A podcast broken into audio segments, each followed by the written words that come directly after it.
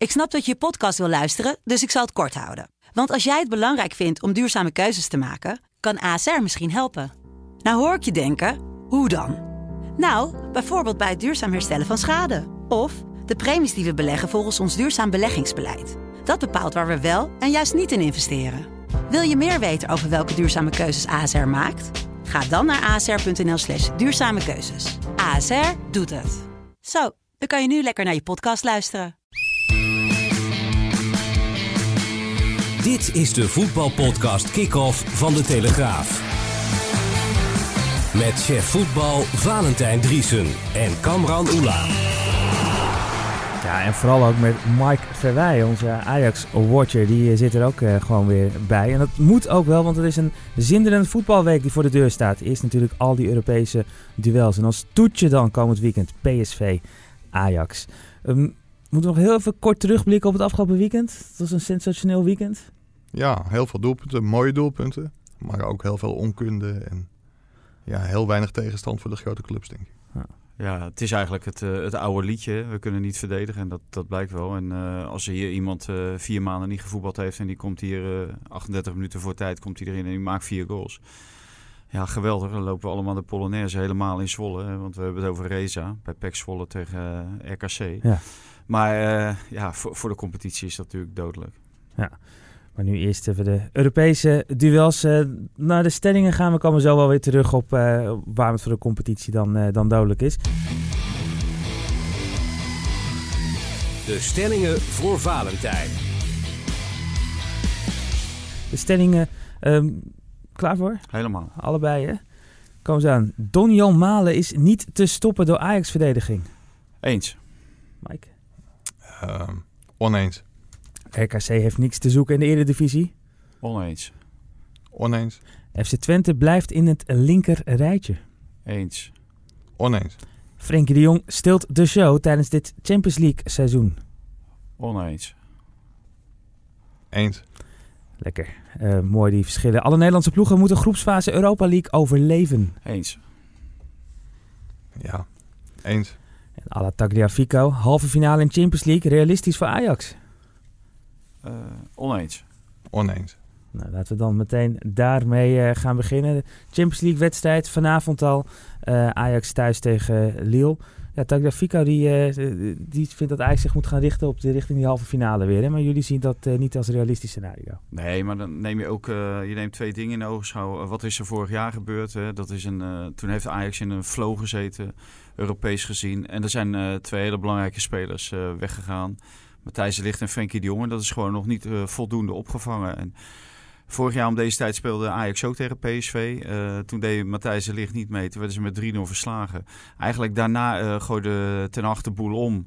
En toen vond hij zijn, ja, zijn winnende formatie.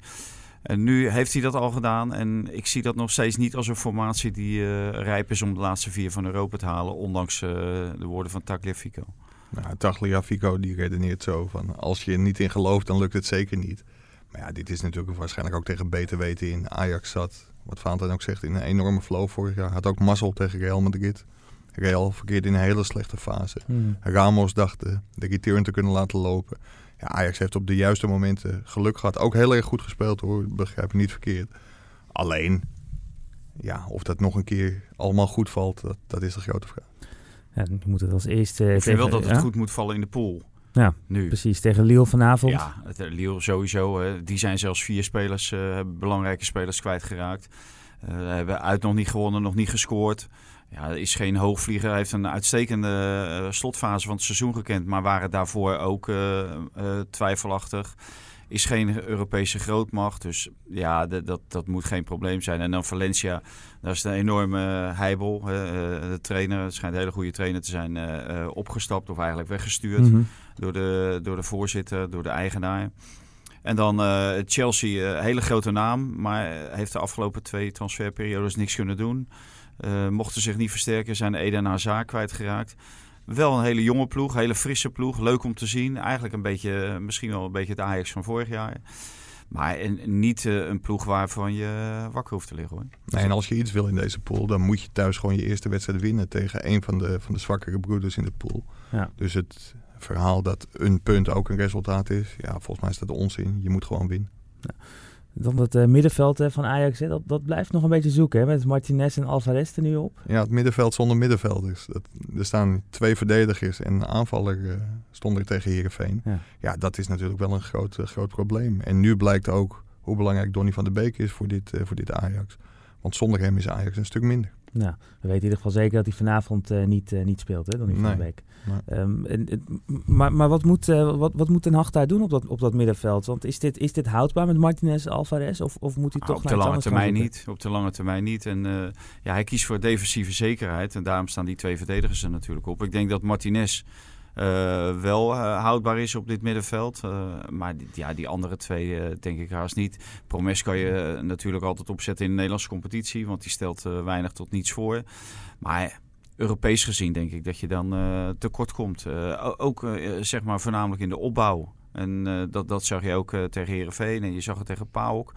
De, de opbouw is, gaat zo verschrikkelijk traag. En ja, er zit heel weinig creativiteit in. En Natuurlijk mis je uh, Donny van der Beek, maar je mist ook uh, Frenkie de Jong en uh, Lasje Schöne. Dus je totale middenveld van vorig jaar is weg. Ja, dat, dat kost wel wat tijd. Maar ik denk niet dat dit de ideale drie zijn voor het middenveld van Ajax. Ja, je kunt je wel weer de vraag stellen van... hebben ze Lasje Schöne niet, gewoon niet veel te makkelijk laten gaan? Veldman werd tegengehouden, die mocht niet naar Engeland als verdediger. Ja, misschien had je Schöne toch, ondanks de staat van dienst... en ondanks het feit dat hij gratis was gekomen misschien toch wel moeten houden.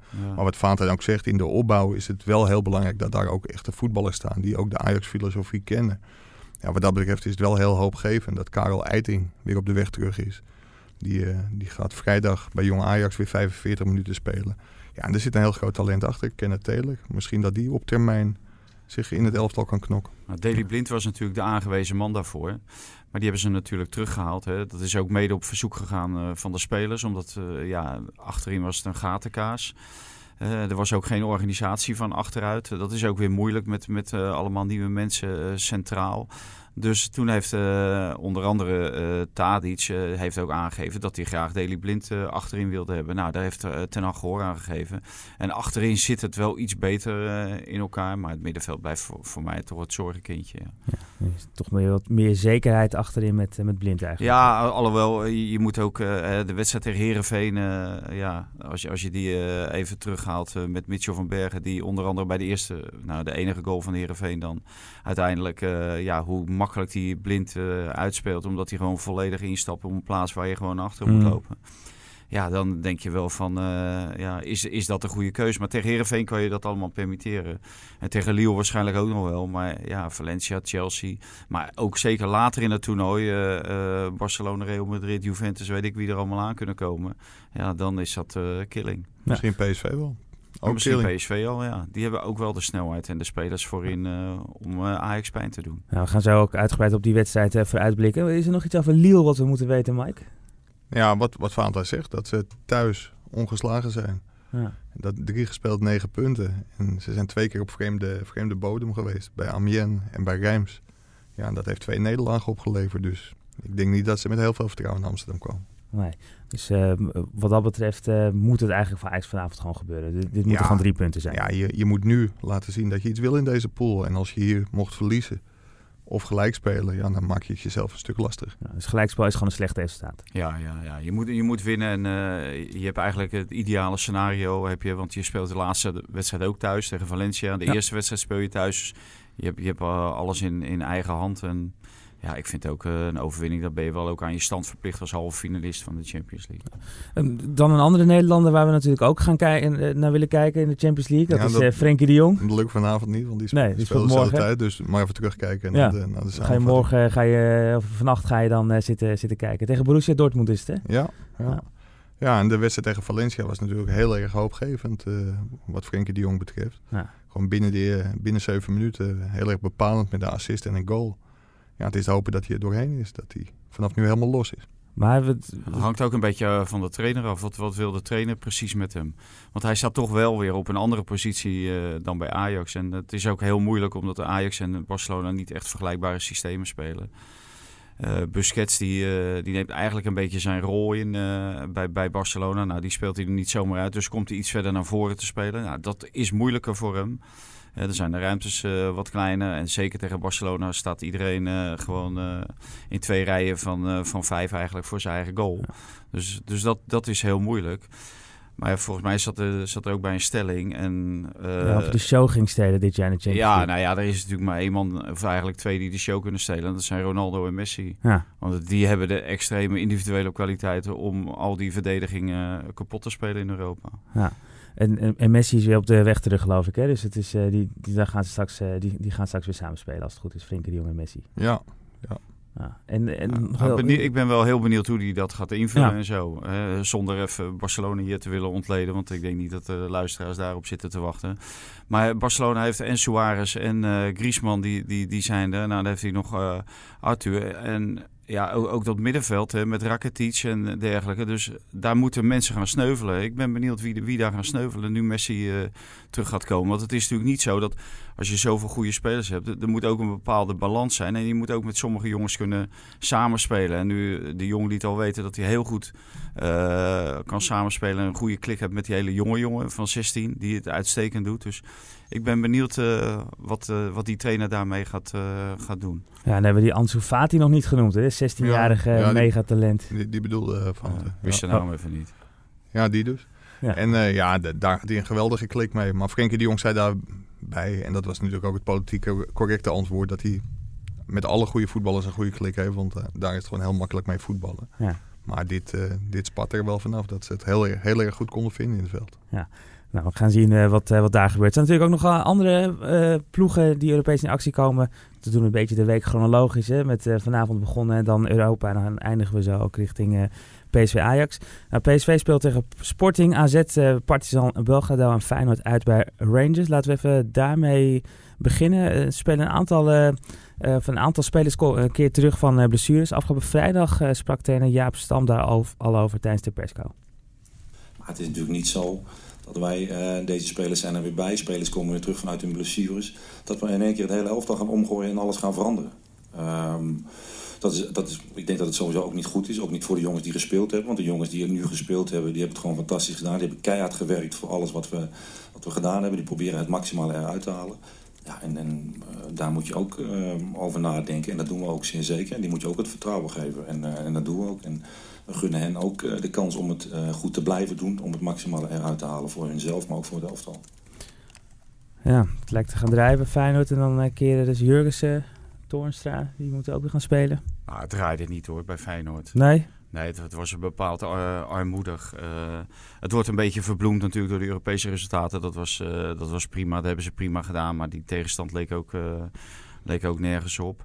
Maar ik moet wel zeggen, wat, wat Stam, Stam zegt over het langzaam inpassen, dat begrijp ik wel. Want het is, Mike zei het net ook over dat drukke programma. Ja, dat, dat gaat een hoop uh, van die spelers vragen. En als jij net terugkomt van een blessure en je gaat drie keer in de week spelen, dat zal Donny van der Beek dadelijk ook merken. Dan, dan wordt het gewoon veel te veel. Dan loop je heel veel risico om alsnog weer uh, in een nieuwe blessure of je oude blessure terug te krijgen. En uh, daar moeten trainers wel voor waken. Dus ik begreep heel goed dat hij uh, Toornstra en Jurgensen heel langzaam brachten afgelopen zondag tegen ADO. En dat hij dat ook zal doen in Europees verband. En hij moet zich natuurlijk ook niet gek laten maken door één wedstrijd. Want ja, Jaap Stam is trainer voor het hele seizoen. En hij zal wat dat betreft ja, een juiste strategie moeten uitstippelen om die jongens fit te houden. Want het is wel gebleken dat als Jurgensen wegvalt, als Toornstra wegvalt... Hè, en misschien Berghuis, want die deed nu natuurlijk ook niet mm -hmm. mee... dan levert Feyenoord een hele hoop in. Ja. En Senesi, waar gaat die uh, spelen? Nou ja, die, die zal nu de komende twee wedstrijden zal die wel zijn minuten uh, mogen maken. Dat, dat vond ik wel vreemd. Waarom die jongen niet nu alvast minuten ja. kon maken. Laat hem alvast een beetje wennen. Je staat uh, 3-0 voor. Geef hem dan uh, een minuut of twintig. dat hij alvast een beetje kan wennen aan de sfeer, aan, de, aan het Nederlandse voetbal, aan het stadion. nou, het leuk ook voor het thuispubliek. Dus uh, nou ja, dat, dat vond uh, Stam niet. Uh, ja, dat vond ik op zich vond ik dat vreemd. Maar normaal gesproken zal hij de komende twee wedstrijden zal hij wel zijn minuten gaan maken. Ja. Ze kunnen hem beter op de bank houden. Want zonder dat hij speelde werd hij met de week beter. Dat was, was ongekend. dat, is ook, dat, is ook, een heel groot gevaar. Dat hebben we met Magellan gezien. Die ja. transfer die heeft geloof ik een jaar geduurd. Daar hebben we geloof ik 150 berichten van gehad. En toen kwam die en uh, nou, die maakte natuurlijk twee blunders en die is gelukkig weer vertrokken. Ja. Maar wat je hoort, schijnt het, ja, het schijnt wel een hele goede speler te zijn. Maar ja, het wordt nu ook wel een keer tijd dat we hem, dat we hem kunnen zien. En denk wat Valentijn zegt, dat dat de komende wedstrijden wel gaat gebeuren. Ja, dat heb je bij Feyenoord altijd. Hè. Die, die spelers worden gigantisch groot gemaakt altijd. En dat komt natuurlijk ook omdat ze bijna nooit spelers van dat kaliber mm. hè, en voor die prijs kunnen halen. Het zijn nou vaak altijd van, uh, ja, gaat het wel lukken, gaat het niet lukken? En nu halen ze iemand van 7 miljoen. Dus nu staat iedereen op de bank. Hè, terwijl niemand heeft die gozer ooit nog zien spelen. Dus ja... Uh, laten we hem eerst even afwachten. Hopen dat hij geen, geen tweede Magellan is. Ja, hopen dat hij geen kuipvrees heeft. Want er gaan ook nog wel eens spelers aan, onder, aan, aan onderdoor. Het zal je gebeuren voor 7 miljoen. Ja, we, eh, we zagen trouwens wel eerst in die, in, in, in die kwalificatiewedstrijden, hoe heette die play-offs uh, richting uh, de Europa League, dat, dat Feyenoord die wedstrijden heel goed speelde. Dat in de competitie niet, niet liep. denk je dat Feyenoord zich ook weer voor dit soort wedstrijden weer beter kan opladen? Ja, maar dat had volgens mij niks met de opladen te maken. Dat had gewoon met de kwaliteit van die tegenstanders te maken. Die Israëliërs, toevallig heb ik ze allebei gezien, de Israëliërs en die Georgiërs. Georgiërs, ja. Ja, die konden echt allebei geen hout van. allebei die ploegen niet. Dus dat was helemaal niet zo vreemd dat Feyenoord dat uh, won.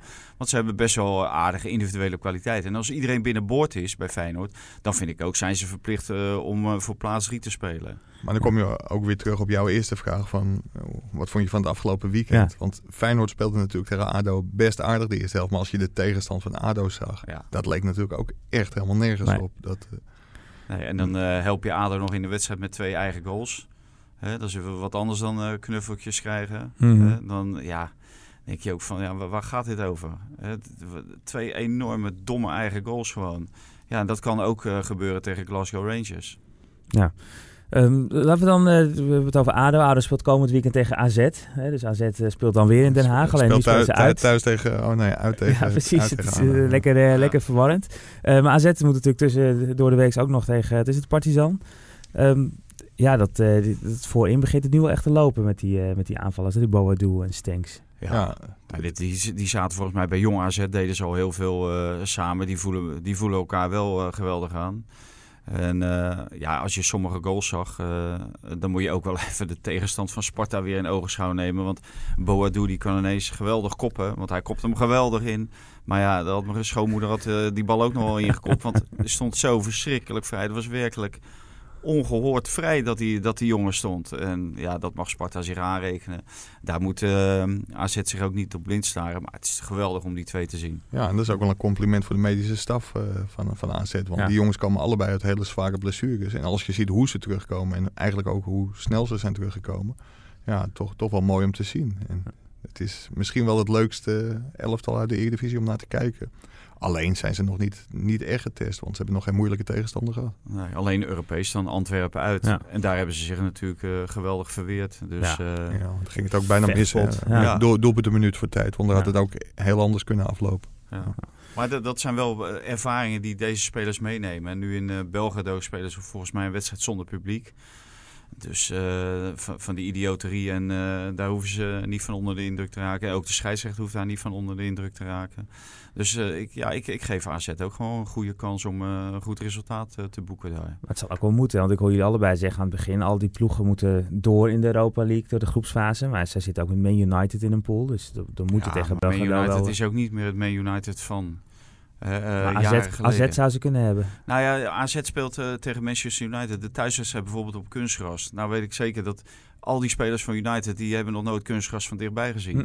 Dus die komen daar op een mat. En, ja, en, en ook de, de atmosfeer... Uh, ja, is, zal heel anders zijn voor, voor, voor die spelers van Manchester United. En daar zullen ze aan moeten wennen. En ze spelen in Engeland ook niet echt denderend. Hm. Uh, en dan is de laatste wedstrijd is op Old Trafford. En dan zijn de kaarten misschien al geschud. Uh, en dan uh, pak je misschien een, een, een, puntje. Zo zijn ze ooit ook doorgegaan tegen... Leningrad, uh, nee. Zenit. Zenit, Sint-Petersburg Het voor onze tijd ja, dit, ja, uh, ja, ja, dan weet je uit welke periode ik stam ongeveer. zo oud ben ik al. Maar uh, toen is, was er ook een bepaald handjeklap met, uh, met die Russen. En uh, toen ging AZ ook gewoon door. Dus misschien is dat ook wel weer mogelijk. Ja, vorig jaar was het natuurlijk niet zo. Want toen was het een complete Engelse finale. Maar Engelse ploegen hebben er ook nog wel eens een handje van. Om de Europa League niet heel erg serieus te nemen. Dus je hebt, je hebt ook nog kans dat ze niet met hun allersterkste team komen als ze Ja. daarna in de competitie tegen een belangrijke tegenstander spelen. We hebben het net over AZ en Feyenoord. Mensen kunnen ook vragen stellen. Met name ook via jouw eh, Twitter-account, eh, Mike. Eh, en El Diaz die, die wil weten welk team zal meer last hebben van het dubbele programma in de strijd om plek 3. Even van uitgaande dat eh, Ajax en PSV dus gewoon eh 1-2 worden. AZ of Feyenoord? Ja, dan, dan denk ik AZ, omdat ze een jongere ploeg hebben. En jonge jongens hebben daar over het algemeen wat meer last van dan, dan oudere spelers. Maar waar AZ misschien wel het meeste last van gaat krijgen dit seizoen... is dat ze alle wedstrijden uitspelen. Mhm. En gewoon niet echt in hun eigen stadion. Hoewel het stadion van ADO op een gegeven moment ook wel redelijk als thuis zal voelen. Maar ik denk dat dat ook een factor gaat worden in de, in de strijd om plaats 3. Ja, Ja. nou ja, ik, vind- ik vind het een geweldige vraag. Goed dat die gesteld is. Maar eh, Feyenoord zit met heel veel blessuregevallen op dit moment. En die moeten allemaal langzaam terugkomen. en met zo'n heel druk programma kan je voorstellen, we hebben het er net ook al over gehad, de strategie die je Stam daarin moet voeren. Je moet heel voorzichtig zijn, maar de, de situatie kan jou dwingen om spelers eh, eh, toch op te stellen, toch risico's te nemen met spelers. En dan moet je maar afwachten eh, of dat goed uitpakt. En Feyenoord zit meer in die, eh, in die categorie dan, dan AZ. Waar, bij AZ is alles en iedereen gewoon fit. Mhm. En bij Feyenoord, eh, ja, daar waren ze aan het optreden. Twee weken geleden lagen ze allemaal nog met een been omhoog.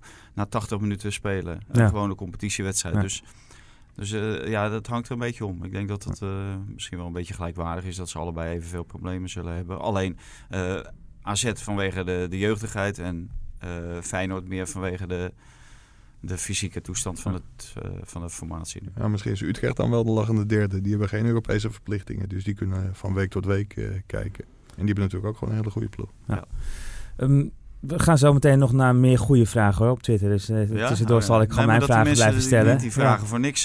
Nee, maar ik hoorde je wel. Ik, ik geen Ja, één compliment gehad Ja. over de vraag. Ja. En één vraag via Twitter. Ja, wat een goede vraag. die, eh, leuk. ja, ja, leuk dat de luisteraars wel goede vragen hebben. Ja.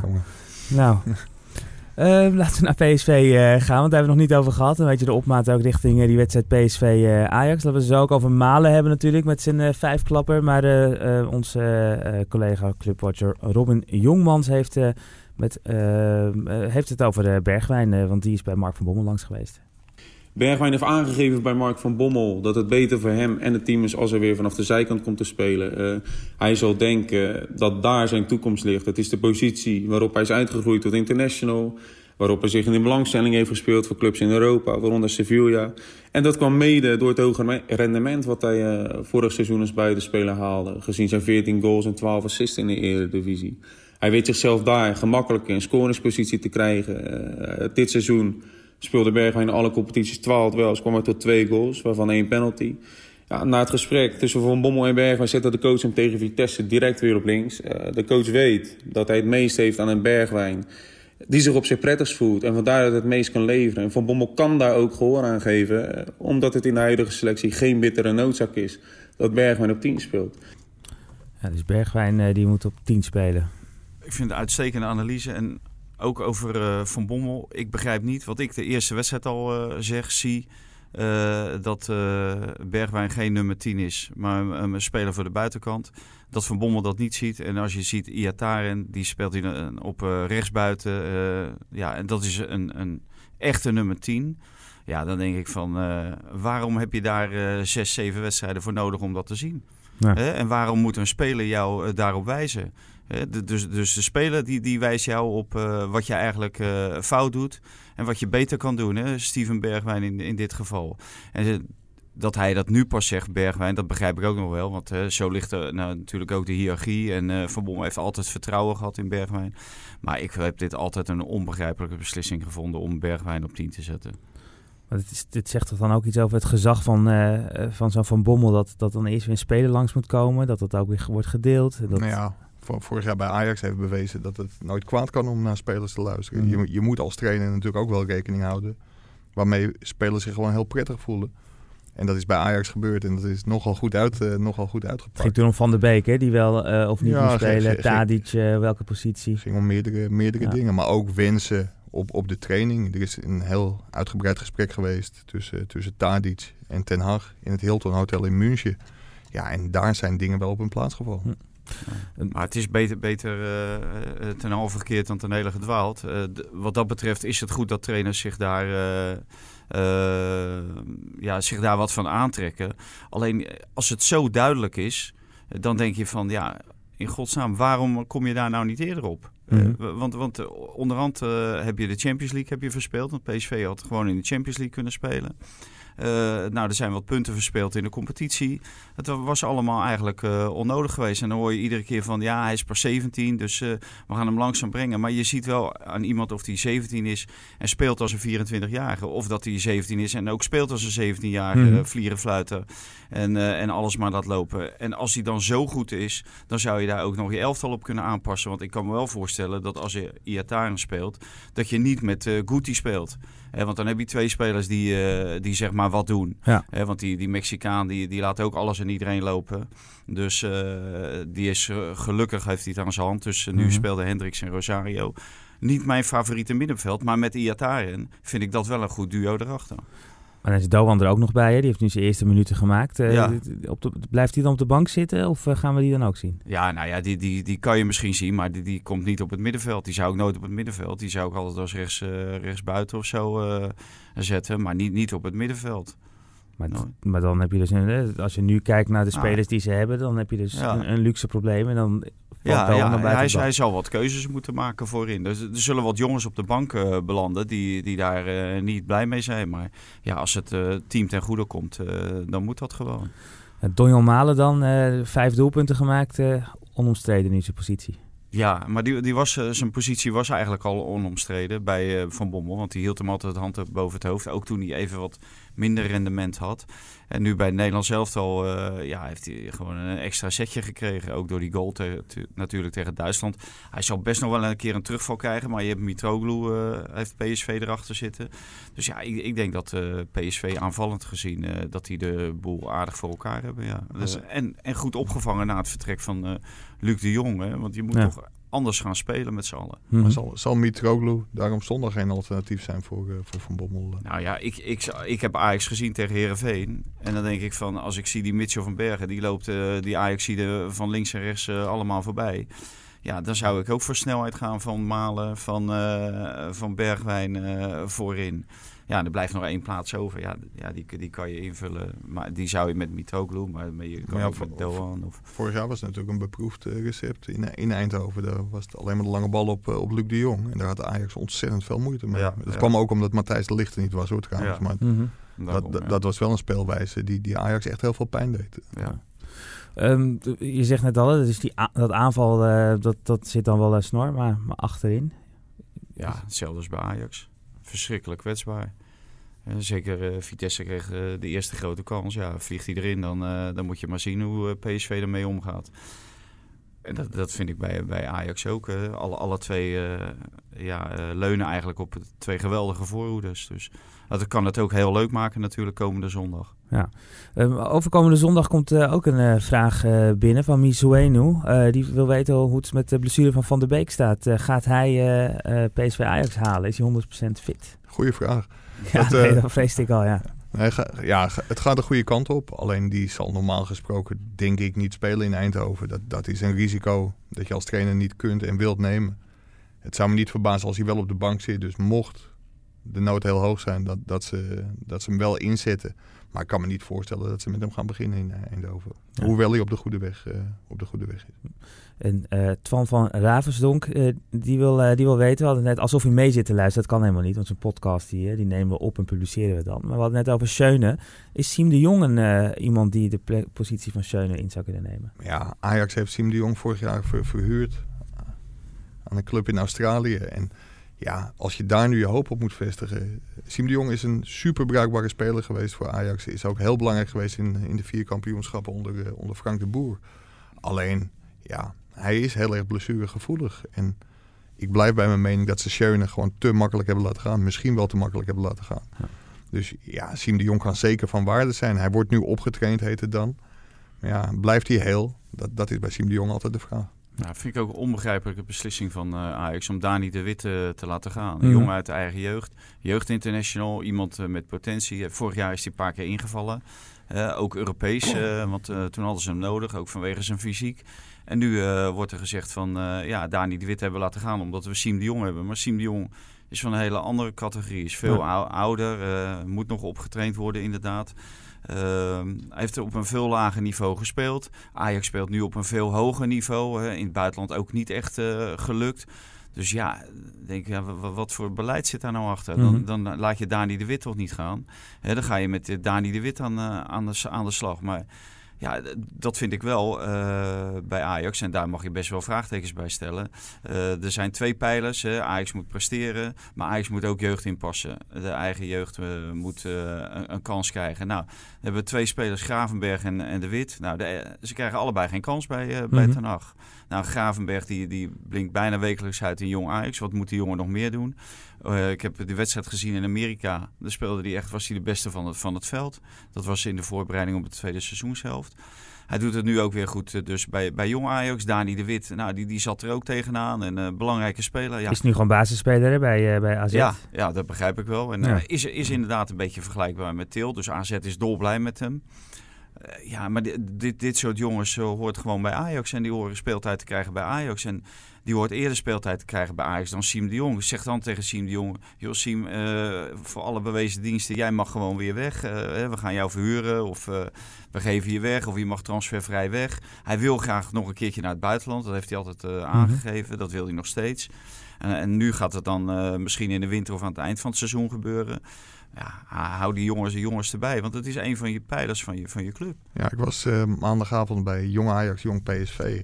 En als je Gravenberg daar ziet voetballen, ja, je vraagt je bijna af wat je nog meer moet doen om wel een keer een kans te krijgen. Vorig jaar na PSV Ajax zei Ten Hag een plan met hem te hebben. Ja, dat plan was om nog een paar minuten te geven in de beker. En voor de rest in de competitie niet op te stellen. En ja, wat, wat Vaanten ook zegt, hij speelt wekelijks gewoon heel erg goed in jonge Ajax. Ik denk, ja, geef die jongen op een gegeven moment de kans. Is het niet in de basis, dan kun je hem wel minuten geven als invallen. Ja, want anders is hij weg, hè? Dadelijk is hij weg. Kijk, hij heeft een, hij heeft een zaakwaarnemer die uh, een van de slimste van allemaal is, Mino Raiola. Hm. En die, die ziet op een gegeven moment, uh, als hij helemaal geen toekomst meer ziet bij Ajax. En die jongen, ik, volgens mij zit die jongen daar tegenaan. Van als hij nu weer geen kans krijgt, want hij heeft zich nu de afgelopen wedstrijden weer uh, laten zien dat hij gewoon zegt van, uh, joh, dan gaan wij gewoon een breuk forceren. Want ja, wat, wat heeft die jongen nog voor toekomst? Kijk, je hebt af en toe spelers waar een trainer het niet in ziet zitten. En ik dacht dat Ten Hag het wel zag zitten in Dani de Wit, hè, omdat hij die uh, er altijd, altijd bij hield. Maar ik heb heel sterk het idee dat hij in uh, Gravenberg gewoon, deze Gravenberg, het niet ziet zitten gewoon. Ja, dan kan je beter vertrekken. Kijk, en het, het, hetzelfde geldt voor Noah Lang. Ja. Kijk, zoals tegen Heerenveen sta je 4 en voor. Hartstikke leuk hoor, Siem de Jong te brengen. Die loopt warm, krijgt applaus ja, flink gejuich als hij het veld inkomt. Maar waarom breng je nou al lang niet? Dat is een jongen waarmee je nog jaren vooruit kunt. En die moet je op een gegeven moment ook het gevoel geven van... ja, je bent belangrijk, je kunt belangrijk worden. Ja, nu. Sommige jongens weten gewoon niet waar ze aan toe zijn. Ja. Mike zit vaker, vaker op de toekomst. Ik, ik kan me niet aan de indruk uh, onttrekken dat ze daar... Uh, niet blij zijn met uh, zulk wisselbeleid en zulke spelers op de bank.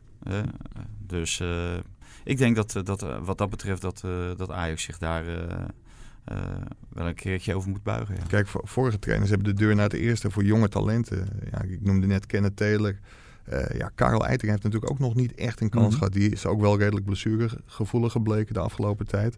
Maar ja, je hebt Noah Lang, je hebt Gravenberg. Kom op. Het publiek, uh, ja. ja het, het, publiek wil dat soort spelers ook zien. Ja, zeker eh, in de, in de competitie kan het heel makkelijk. Want uh, in de competitie stelt de tegenstand toch niks voor.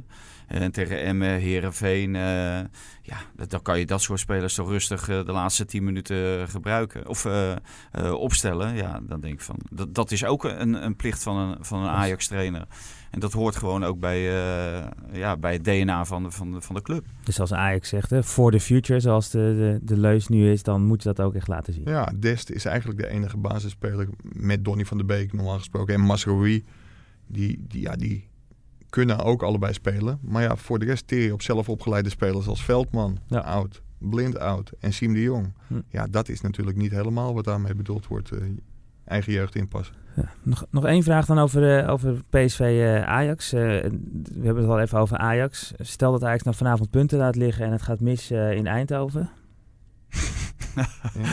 Nou, dan, dan, gaat Ajax weer de halve finale van de Champions League winnen. En worden ze of, kampioen en halen. En pakken ze de dubbel. En ze, pakken ze de dubbel, want zo is het natuurlijk vorig jaar gegaan. Precies. Ja. dus Nee, ja, maar dat, dat is gek. Ja, dan, dan, is er ook niks aan de hand. Maar Louis van Gaal, wijsman, zei altijd van... Ja, de ene wedstrijd heeft gewoon invloed op de ander. Ja. Pakt Ajax geen goed resultaat tegen Lille... Ja, dan zal dat meespelen in de wedstrijd tegen, tegen PSV. Zoals PSV ja, een goed gevoel kan opdoen tegen Sporting... of een heel rot gevoel kan krijgen. Dus ja, valt geen pijl op te trekken nog. Nee. Als PSV slecht speelt, dan, uh, dan roept iedereen uh, van... we hebben maar twee dagen rust... En als ze heel goed spelen tegen Sporting Lissabon, dan zeggen ze over twee dagen mogen we weer. Nou, daar, daar, zit het gewoon in. En er is natuurlijk geen pijl op te trekken. Maar toch, toch is het wel, vind ik, gek dat de KNVB zo'n belangrijke wedstrijd PSV Ajax na een Europese week doet. Want je weet dat de een Champions League kan spelen, de andere Europa League. En Ajax, puur sec bekeken, heeft Ajax nu gewoon een voordeel van twee dagen. En waarom doe je het na zo'n week en niet na een, een gewone week, waarin beide ploegen evenveel voorbereidingstijd hebben. Nou, die, die clubs zelf zeggen natuurlijk, die spelers uh, of uh, spelers en trainers zeggen vaak zelf van dat ze natuurlijk na zo'n wedstrijd uh, in Europa ook graag een topclub als tegenstander hebben. Hè. Dan, want ja, als je dan vanuit een geweldige arena na de 3-1 overwinning tegen Lille Emma uh, uit, uh, uit hebt, ja, Dan, uh, dan wordt het een moeilijk verhaal, zeg maar. Dus, maar ik denk dat de KNVB er rekening mee had gehouden dat ook PSV de Champions League had gehaald. Hm. Of dat ze allebei Europa League hadden Volgens mij gaat het in oktober ook weer gebeuren. Hè? Speelt Ajax volgens mij op woensdag Champions League, Feyenoord op donderdag. En, en dan is het zondag Ajax Feyenoord. Dus, ja. dus, dus, dus de, de, en, en daar is hij natuurlijk afspraken over gemaakt. Hm. Ehm, helemaal aan het einde, want we hebben het nu al over PSV Ajax al denk ik uitgebreid uh, gehad. Uh, nog andere clubs, je kent die vraag als ik er zit. Pim uh, stelt die niet. Maar zijn er nog andere clubs waar we het over moeten hebben, ja, Valentijn? RKC. RKC? RKC, ja het is doodzonde, want RKC, speelt echt heel leuk voetbal. Uh, uh, voor, voor het niveau waarop RKC speelt. En dan is het uh, jammer dat, dat ze iedere keer ja, toch de, de das om wordt gedaan door individuele fouten.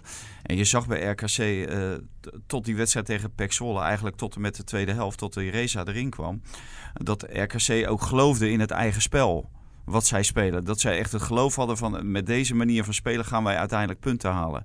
Maar in die, in die laatste slotfase lieten ze het volledig mm lopen. Dus ik ben benieuwd of Fred Grim daar uh, de boel weer aan de praat krijgt. Om te blijven geloven in dat spelletje wat ze spelen. En ik denk dat ze uiteindelijk uh, door het spelen van dat spel uh, meer punten gaan halen dan door nu alles om te gooien. Maar daar heeft hij echt, mentaal heeft hij daar echt wel een, een, een kluif aan hoor, in ja. dat Waalwijk. Ze uh, spelen komende zaterdag uit uh, tegen Sparta. Sparta heeft natuurlijk nu ook twee keer achter elkaar uh, een slecht resultaat gehad. Dus voor, voor beide clubs is het een belangrijke wedstrijd, zeker tegen elkaar. Ja, ja, ja nou, de twee gepromoveerde clubs. En ja, wat zeggen ze? daarmee, of daartegen moet je de punten pakken. Dus ja. het zal wel een, een, wedstrijd zijn vol met zenuwen en, en rare momenten en weet ik wat allemaal. Ja, goed spelen is leuk. Je hebt wel geloof nodig. En dat, dat geloof krijg je alleen door punten. Ja. Dus ja, RKC zal uh, al die complimenten heel graag willen inruilen voor een puntje of zes uh, erbij. Denk ik. Hey, hadden ook als stellingen aan het begin uh, FC Twente. Die blijft in het linker rijtje. Nou, komende vrijdagavond een derby tegen Heracles. Ja, Mike vindt uh, rechter rijtje. Ja, ik, ik, ik, heb geen idee. Maar, maar die roept maar wat. Nee, nou ja, het zal maar wat roepen altijd goed zijn. bekende voorganger van ons. Ja, ze, ze, ze, doen het geweldig. Staan nu derde. Maar ja, of ze dat een heel seizoen volhouden. Ik vind het wel echt super leuk om te zien. Frisse jonge trainer die, uh, die het elftal aardig naar zijn hand heeft gezet. En ook wel een groot compliment voor Ted van Leeuwen, denk ik. Die er toch altijd in slaagt om een hele goede, goede selectie samen te stellen. Met ook redelijk beperkte middelen. Hoewel dat nog wel meevalt. Want qua spelersbudget hebben ze volgens mij nog wel. Een van de hoogste budgetten van, uh, van, van de subtop. Maar het is, uh, het is heel knap wat Twente presteert. Ja, en, en ook uh, de manier van voetballen. Hè. Daar geloven ze in, omdat ze spelen eigenlijk een beetje hetzelfde als RKC. Ze proberen te voetballen van achteruit op te bouwen. combinatiespel. En daar levert het punten op. Dus die gaan er ook steeds meer in geloven. Volgens mij was het ook bij die wedstrijd van Fortuna SC Twente. Uh, daar viel die rode kaart. Uh, dat de trainer ook zei van ja, als die niet valt, uh, dan voetballen we gewoon nog vijf, zes keer doorheen. En dan wordt het 6-7-0. Mm Nou, dat, dat gevoel had ik ook toen ik naar die wedstrijd zat te kijken. En een belachelijke rode kaart natuurlijk voor die Japaner. Ja. Die geen vlieg kwaad doet. En alleen omdat hij heel hard in kwam lopen. en daarna gewoon eigenlijk een perfecte sliding had. Werd hij met rood weggestuurd. Nou, het sloeg nergens op. Het is jammer dat SC Twente akkoord is gegaan met de straf. En jammer ook dat we die jongen niet zien uh, tegen Heracles. Want ik moet zeggen, uh, die Japanners in Nederland die hier voetballen, die zijn echt allemaal geweldig om te zien. Ja. Ja. Ik, ik ben het met je eens dat het absoluut geen rode kaart was. Maar waarom maak je in de 45e minuut bij 0-2 zo'n actie? Op de middellijn. Kijk, je geeft de scheidsrechter in ieder geval de kans. En de VAR zeker met de 23 vertragingen uit 28 hoeken. Om een rode kaart te trekken. En zo'n overtreding, dat is toch ook een beetje voetbalgochme. Waarom maak je die in de 47e minuut? Ik, daar snap ik echt helemaal niks van. Nee, je verwacht hem eerder van een Zuid-Amerikaan, maar van een Japanner die over het algemeen heel keurig ja. gedragen, verwacht je hem helemaal al niet. Uh, nee. Ja. nee, maar nee. Het, was, het was in ieder geval niet slim, want ja, kennelijk uh, zag Heerlijk toch de mogelijkheid om, om rood te geven. En hij wordt gesteund door de KVB. Dat gebeurt overigens wel vaker ja. hoor, dat, dat zo'n rode kaart dan uh, zo van nou Ja, Heerlijk gaf natuurlijk aanvankelijk geen rode kaart. Die, uh, die ging af op het uh, oordeel van zijn VAR. Nou, dat, dat, is iemand die fluit in de C-categorie volgens mij. En die mag dan beslissen dat die Japaner van het veld af moet. Nou, oké, okay, ja. prima. Het, ja, nou, niet prima. Ik, ik vind het doodzonde. Ja. En er komt steeds meer discussie over die VAR. En dat kan ik me wel voorstellen. Ja. Zeker voor, voor dit soort momenten. Het zijn gewoon voetbalmomenten. Hetzelfde met, met Veldman. Uh, uh, wie was uh, onze ben geweest, maar ik weet, weet nu zijn naam al niet meer. Die, die scheidsrechter. Lindhout. Lindhout, die, nou, die, die beoordeelt die situatie ja. prima. Nou, dan wordt hij weer naar de kant geroepen. En nee, want er zit weer een of andere judokers uh, in Zeist. En die vond het wel weer een overtreding uh, op, uh, op Veldman. Dus die goal gaat niet door van Heerenveen. Ze zou eigenlijk een ja, stopwoord moeten krijgen. Ja, Als het binnen 30 seconden niet kan bepalen, is het gewoon klaar. Want het is zo wat jij zegt. Er maakt zoveel herhalingen. Maar ja. Björn Kuipers en Danny Makkely, die moeten gek worden van dit soort beslissingen. Mm. Die lopen bij de UEFA mee. En bij de UEFA wordt er gewoon heel duidelijk gezegd van je grijpt alleen in als het 100% fout is. En ja. deze scheidsrechter Lindhout, die maakt notabene de beweging van. Ik heb het gezien doorvoetballen. Ja.